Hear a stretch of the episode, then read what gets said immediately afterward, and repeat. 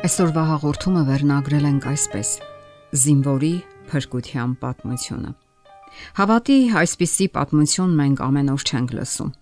Սա պատմություն է դաժան փորձառությունների, մահվան սպասումների,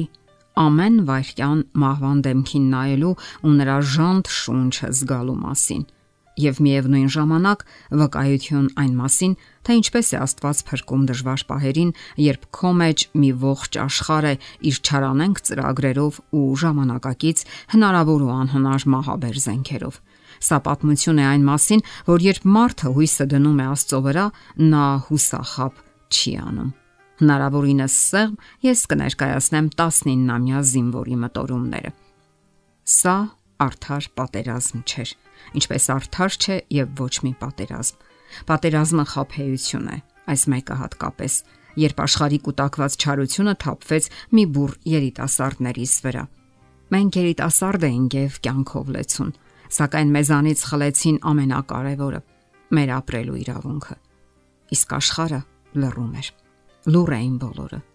Հզոր գեշտերությունները, քաղաքական գործիչները, նրանք, ովքեր կարող էին մի բան անել, սակայն ոչինչ չարեցին շատ ու շատ կյանքեր փրկելու համար։ Իսկ ոմանք էլ միգուցե անզոր էին, չկարողացան որևէ բան ձեռնարկել։ Միայն ժամանակը կտա բոլոր հարցերի պատասխանը, երբ արդար Աստվածը իր դատաստանի ժամանակ հաշիվ պահանջի ամեն կաթիլ անմեղ արյան համար։ Ես սպասում եմ այդ օրվան։ Սպասում եմ, որովհետև տեսնում էի, թե ինչպես են զոհվում միանգամայն անմեղ իմ հասակակիցները. 18, 19, 20 տարեկան տղաները։ Զոհվում էին նաև երեխաների հայրերը, զավակներն ու ապագայի հույսով լեցուն երիտասարդները։ Այնքան էլ մեծ չէին դժոխային այդ պատերազմում ողջ մնալու կամ նույնիսկ վիրավոր վիճակում փրկվելու հնարավորությունները։ Իսկ նրանք, այդ երիտասարդները, մի པարս ցանկություն ունեին՝ ապրել։ Նրանց այդ ցանկությունը կուլ գնաց այս աշխարհի ուժեղների սին փառամոլությանն ու հարստանալու տենչին, հպարտությանը, գուցե այև անճարությանը։ 44 օր աշխարը նայում էր, թե ինչպես է անմռունչ մակարում ու զոհվում հայ երիտասարդը։ Այս պատերազմը չի մոռացվելու, որովհետև մարդկային կյանքը անգնահատելի է եւ այն ոչնչով չես փոխարինի այդ տղաների կյանքը այլևս հնարավոր չէ հետ բերել բայց ես վստահ եմ, որ գալու է ժամանակը եւ շատերն են փառավոր հառնելու գերեզմաններից, որովհետեւ Քրիստոսը հաղթել է մահին։ Իսկ ինչ փառավոր գալուստը այդ երիտասարդները խաղաղ ննջում են։ Իսկ աշխարհը լռում էր։ Ես այդ պատերազմի մասնակիցն եմ։ Առաջին օրից մինչև վերջին օրը մարտնչել եմ տարբեր դիրքերում տեսել ու հասկացել եմ, թե ինչպես է մահը անողոքաբար կտրում կյանքի թելը ամենաանսպասելի ու դաժան ձևով։ Ես սիրում եի այդ տղաներին։ Նրանք իմ ընկերներն էին։ Մենք միասին այնքան լավ ու վատ օրեր ենք անցկացրել, միասին հաց կերել, ուրախացել ու տխրել։ Մենք վայելում ենք միմյանց հրաշալի ներկայությունն ու կյանքի շունչը։ Հիմա նրանցից շատերն այլևս չկան իսկ ովքեր անցան կրակի բոցերով ու փրկվեցին, կիսով չափ այրված խանձողներ են, որոնցից յուրաքանչյուրի փրկությունը մի յուրահատուկ պատմություն է։ Ես այդ փրկվածներից, այդ խանձողներից մեկն եմ եւ իմ փրկության համար պարտական եմ Աստծուն։ Ամենածանր պահերին անգամ ես փառաբանում էի նրան, ապավինում նրա զորությանը։ Ես փառաբանական երգեր էի երգում եւ սիրում կյանքն ու մարդկանց։ Ես կերտում էի իմ պատմությունը ոչ միայն խրամատներում, այլ հենց ծանր մարտերի ժամանակ բռնելով Աստծո փրկարար ձեռքը։ Այս փոքրիկ ստեղծագործությունը ես գրել եմ խրամատում, կյանքի ու մահվան սահմանագծին եւ այն անվանել փրկության պատմություն խավար մոլորակում։ Այն միգուցե լավագույն գրական ստեղծագործությունը չէ, սակայն ինչպես կարող է այդպիսին լինել, երբ դու խրամատում ես երբ օր ու գիշեր չի դադարում ռմբակոծությունը եւ քո գլխավերևում թրջում են ģեր ժամանակակից ռմբակոծիչները լի մահաբեր ռումբերով եւ նրանք միայն մի նպատակ ունեն ոչնչացնել քեզ Պատերազմից հետո փոքրինչ ուղումներ եմ արել այնտեղ, սակայն ոչ աստվածաբանական։ որովհետև այդ դաժան օրերին ես հասկացա, որ ծանր փորձության ժամանակ մեզ փրկում է Աստծո հետ անznական ու անմիջական կապը։ Աստվածաբանությունն անկասկած կարևոր է ճիշտ երկրպագության համար, սակայն մահվան պահին, երբ դու միայնակ ես Աստծո հետ, միայն նա է քո փրկիչը։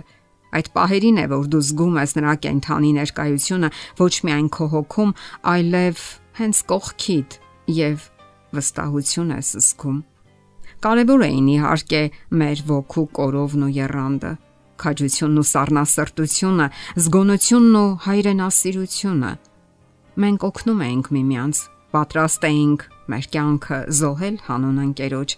Մենք սիրում էինք միմյանց, կապված էինք երիտասարդական ջերմ զգացմունքներով եւ փափագում էինք կենթանի դուրս գալ այնտեղից, որտեղից մեզ վրա չարքեր էին հարցակվել աշխարի բոլոր կողմերից Սա իմ կյանքի ամենահիշարժան պատմությունն է։ Աստվածային փրկության պատմությունը։ Ահա այն։ Փրկության պատմություն խավարի մոլորակում։ Խավարի մոլորակում թախիցներ պատել, հոգիս խավարել, միտքս մթագնել խոճապով լցված ու հուսահատված, ցավով դառնացած իմ ներքին աշխարհում պարկած էի փոսում։ Հիշել էի տունս, հորս ու մորս, ընտանիքս, հարազատ վայրերը, կորսված խաղաղությունս։ Հիշել էի մարդկանց, բազմաթիվ խառը, չէի հասկանում որտեղ են նրանք, երբ օգնության կարիք ունեի, սփոփանքի ու մխիթարության, շփման ցանկություն, երբ ճշնամու կողմից ահարկու զենքերից ուղարկված փամփուշտներն անցնում էին կողքովս ու գլխիս վրայով, նրանց ձայնից այնքան մոտիկ հասկանում էի, որ շատ եմ ուզում ապրել։ Գնահատում էի կյանքի գինը, խաղաղությունն ու անդորը։ Չկար գետ մեկը, որ բռներ зерքս, սփոփեր ու ասեր, որ չվախենամ արկերից, որ թռչում էին դեպի մեզ դաժան ու ոչնչացնող, անթիվ ու անհամար մեզ ոչնչացնելու փափագով։ Նրանք սուլում էին մեր գլխավերևում մահվան տենչանքով, արյուն ու վիշտ բերելով Նրանք թրջում էին առանց դաթարի, մեկը մեկից սարսափազդու իրար հերթ չտալով, սատանայական ժպիտով։ Դիվային լեռան վրա ես տեսա կակաչներ կարմիր, որ ստեղծվել էին մեր մարտիկների արյունից, քաջ ասպետների թափված արյունից։ Օթային հարցակումները չէին դադարում, պայթում էին մեկը մյուսի հետևից, բերելով ավեր ու մահ, ցավ ու վիշտ,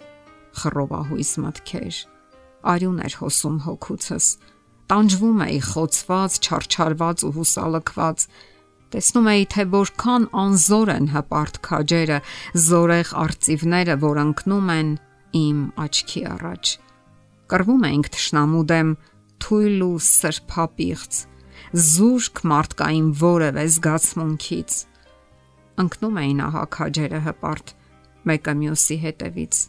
ներկելով սարը արյունով բոսոր, որոնցից կակաչներ էին դուրս գալիս հայոց սարերում։ Հոգիս տենչում էր օգնել հզորներին, սակայն ոռնում էի անզորությունից, լալիս էի անհույս մոլորված ու միայնակ։ Ու ահա եկավ հույսի աղավնին, երկնային լուրը, խաղաղության բամբերը։ Մտքերս կարգավորվեցին, Միտքս պայծառացավ ու ներսս հուզվեց անբար հույզերով։ Անկա գետնին ծնկներից վրա, տեսա աղավնուն լուրը թևերին, իջավ վերածնունդը հոգուս աչքերին։ Հիշեցի փրկչիս երկնային հորս, իմ ապավենին, իմ սուրբ արքային, բարի Հիսուսին։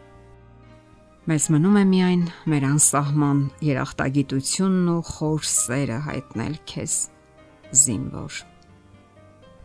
Եթերում է ղողանջ հավերժության հաղորդաշարը։ Ձեզ հետ է Գեղեցիկ Մարտիրոսյանը։